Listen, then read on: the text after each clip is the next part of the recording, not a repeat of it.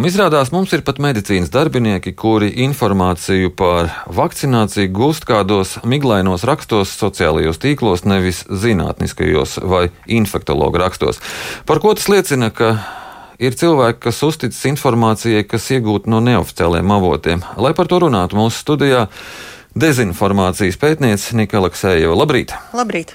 Mēs abi esam vakcinēti, un līdz ar to mums ir iespēja sarunāties studijā klātienē. Tātad dezinformācija saistībā ar covid-19 noteikti to var dalīt dažādos posmos. Vispirms dezinformācija, kas parādījās, kad pats vīrus parādījās, un dezinformācija, kas ir tagad. Kā tā atšķirās? Jā, tik tiešām dezinformācija attīstās līdz ar notikumiem, kā mums sokas cīņā ar pašu vīrusu. Un, ja sākumā pārsvarā dezinformācija bija par vīrusu izcelsmi, par to, vai tas tiešām eksistē, vai arī ir tikai zināma konspirācija un tā tālāk, tad šobrīd, protams, galvenās tēmas ir vakcīna un vakcinācija. Ja pirms gada jau pusotra likās, ka tas ir tas, ko mēs gaidīsim atklātām rokām, tad eh, šobrīd, eh, un pirms tam jau eksistēja šī antivakcīnu eh, kustība visā pasaulē, tad šobrīd tieši tā arī ņem virsroku, izmanto tos jau iepriekš sagatavotos, iepotētos narratīvus, un arī Latvijā. Piemēram. Un, piemēram, tas, ka um, vakcīnas ir uh, bīstamas, tās var izraisīt uh, veselības problēmas. Jau uh, pirms desmit gadiem um, bija melīgs pētījums, kurš tagad ir diskreditēts par to, ka vakcīnas it kā izraisa autismu. Un uz šī pamata arī dzīva antivaksaru kustība. Tagad līdzīgs vēstījums par to, ka vakcīnas var nevis palīdzēt, bet izraisīt veselības problēmas, tiek izmantots, lai faktiski atturētu cilvēkus no, no vakcinēšanās. Bet tagad vīrus eksistē?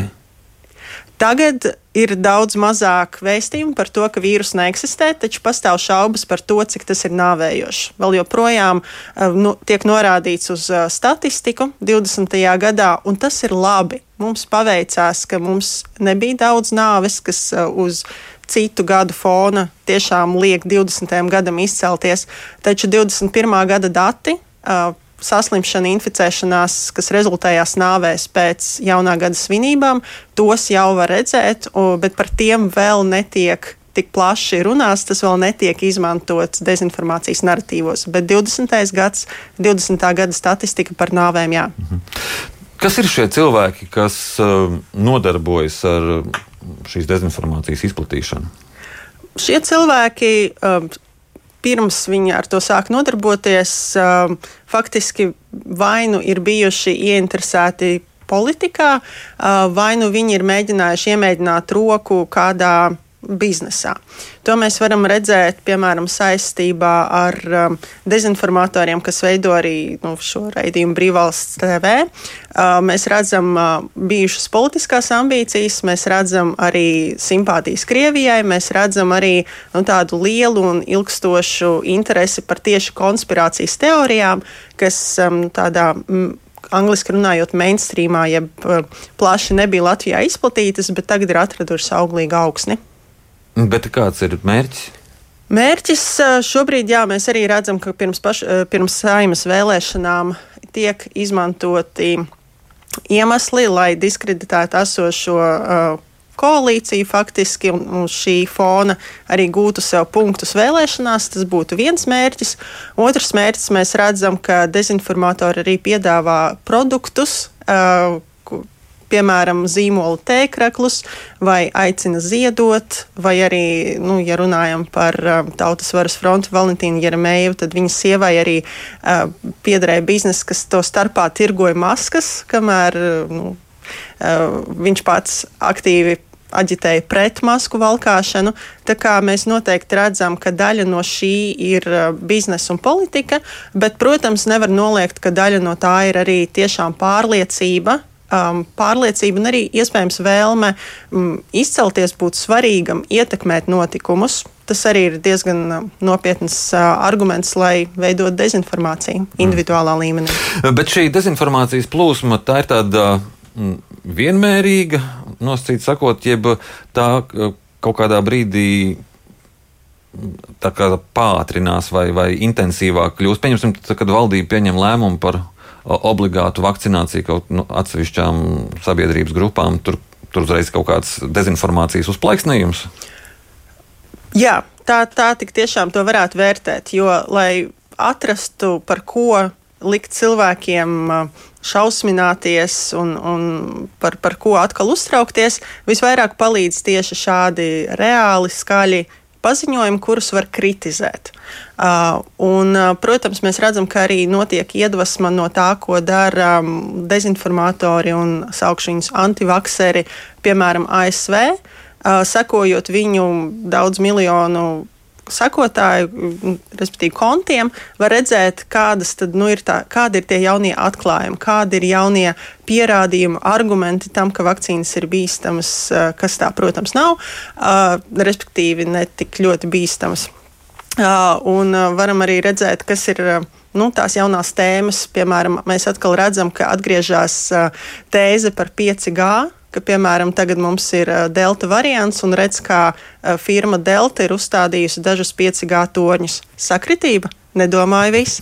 Respektīvi, mēs redzam, ka notiek vēl joprojām mēģinājumi šu, šīs tēmas savilkt kopā ar citām jau attīstītām konspirāciju teorijām, kurām cilvēki ir noticējuši, un uz tā pamata arī būvēt, stiprināt, attīstīt.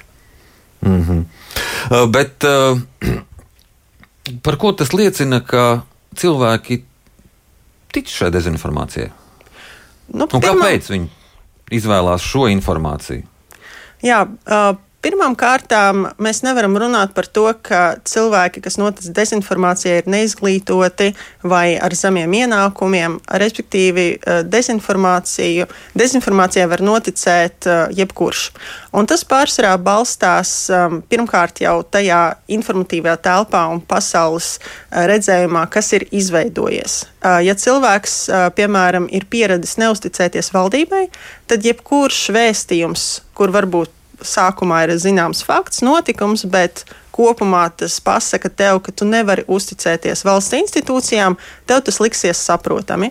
Vai jebkurš stāsts, kurš liecina, ka uh, kāds politiķis ir bijis uzpirkts, jo tik tiešām mēdījos ik pa laikam mēs dzirdam korupcijas skandālus, uh, varētu likties, nu jā, tas nav nekas pārsteidzošs. Um, politiķis ir uzpirkts, un tālāk jau sako, tāpēc viņš uh, bīda šo un šo politiku, uzspiež mums to un to. Mēs to negribam, mēs nebūsim daļa no šī. Lūk, tas, eh, tas ir viens, ka jau ir izveidojies pasaules uzskats. Eh, vēl viens svarīgs aspekts ir eh, cilvēka identitāte un piedarības sajūta. Ja man apkārt domā konkrēti, ka, piemēram, labāk ir nogaidīt, labāk nu, nepiedalīties uh, it kā eksperimentā, kas tā nav, jo jebkuras zāles novēro arī pēc to uh, ieviešanas tirgu, tad um, tas liksies nu, tā loģiski. Kāpēc lai es rīkotos citādāk nekā mani um, nu, draugi, paziņas, kolēģi? Tā tad vēlme iekļauties konkrētās uh, savā lokā un arī nu, identificēties ar es taču esmu gudrs, es nogaidu es paskatos, es ievācu vairāk informācijas. Jo eh, tik tiešām eh, aicinājums vakcinēties ir kaut ko darīt proaktīvi. Un mēs redzam, ka nu, par, par eh, bieži vien par kādu rīcību tev ir jāuzņemas atbildība, un tad varētu būt problēmas. Vēsture mūs ir mācījusi ar jaunām lietām, uh, nedaudz nogaidīt un tad, un tad rīkoties. Un tieši šādu stratēģiju ir ieņem, un tā tiešām liekas loģiska uh, daudziem nogaidīt ar vakcinēšanos. Uh, turklāt arī daudz neredz, uh, ka vīrus tiešām ir ietekmējis viņu dzīvi. Uh, tā ir no vienas puses laba ziņa, ka līdz šim mēs esam diezgan labi tikuši galā ar vīrusu. No otras puses, tas ir radījis tādu ne, maldī, maldinošu miera sajūtu, ka tā tas arī varētu turpināties. Tāpēc, um, nu jā, um, informatīvā telpa. Um, iepriekš izveidojies pasaules skatījums, vēlme piederēt, un uh, nu, droši vien arī tas, um, kā tik tiešām polarizējas mūsu sabiedrība, un uh, tas um, gribot, negribot, jebkurā sarunā tiek vilkts uz to, nu, kurā nometnē tad tu esi. Un tad cilvēkam ir jāizdara izvēle, viņš interesējas, viņš sociālajos tīklos redz vienu vai otru argumentu, ko principā viņam ir noteicis algoritms, atkarībā no tā, ar kuriem cilvēkiem viņš ir pēdējā laikā miedarbojies sociālajā tīklā. Nu, un pamazām cilvēks ieņem vienu vai otru pozīciju. Bet tie ir tādi, tā kā, nosacīt sakot, emocionāli faktori, ko jūs minat. Piemēram, pedagogiem tas ir loģiski, ka viņi arī balstās uz šādiem emocionāliem faktoriem, nevis racionāli sameklē informāciju par šo jautājumu, kur viņi varbūt šaubās vai nav pārliecināti. Tas ir pietiekami normāli, jo cilvēks kā būtne nav īsti racionāla. Um, informācijas atlases meklēšana um, liekas, ka tā ir pašsaprotama lieta jebkuram izglītotam cilvēkam, taču tā nav. Pat ja mums liekas, ka mēs veicam izpēti, dažkārt šī izpēta balstās jau nu, tādā atlasītā informācijas daudzumā, kas vienā brīdī mūs ir pārliecinājis, un mēs to vairs nedaram. Jo ikdienā mēs neveicam pētījumus, kur ir eh, skaidri pateikts, kādi ir pētījuma soļi, ko, kas mums ir jāizdara, kāda metodoloģija jāatrod. Mēs to visu nedaram. Tad jūs gribat teikt, ja, ja man kā cilvēkam pirmā informācija pēkšņi netīšām atverās vairāk kaut kāda dezinformācija, es viņu izlasu, pieņemu un vairākas informāciju citu nemeklēšu, un man būs grūti pārliecināt ar jau ar kāds speciālists nevarēs man pārliecināt?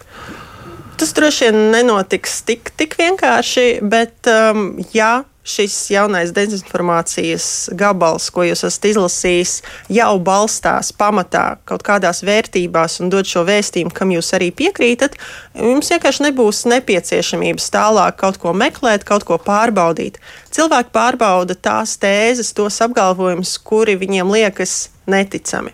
Um, lielākajā daļā gadījumu jebkurš cilvēks nu, to nedara. Jā, nu, kā, kā cīnīties ar šo dezinformāciju? Jūs arī pieminējāt, ka mēs piedalāmies eksperimentā, nu, ko, ko izplata šo, šo mītu, ka, ka šīs vakcīnas ir eksperimentāls.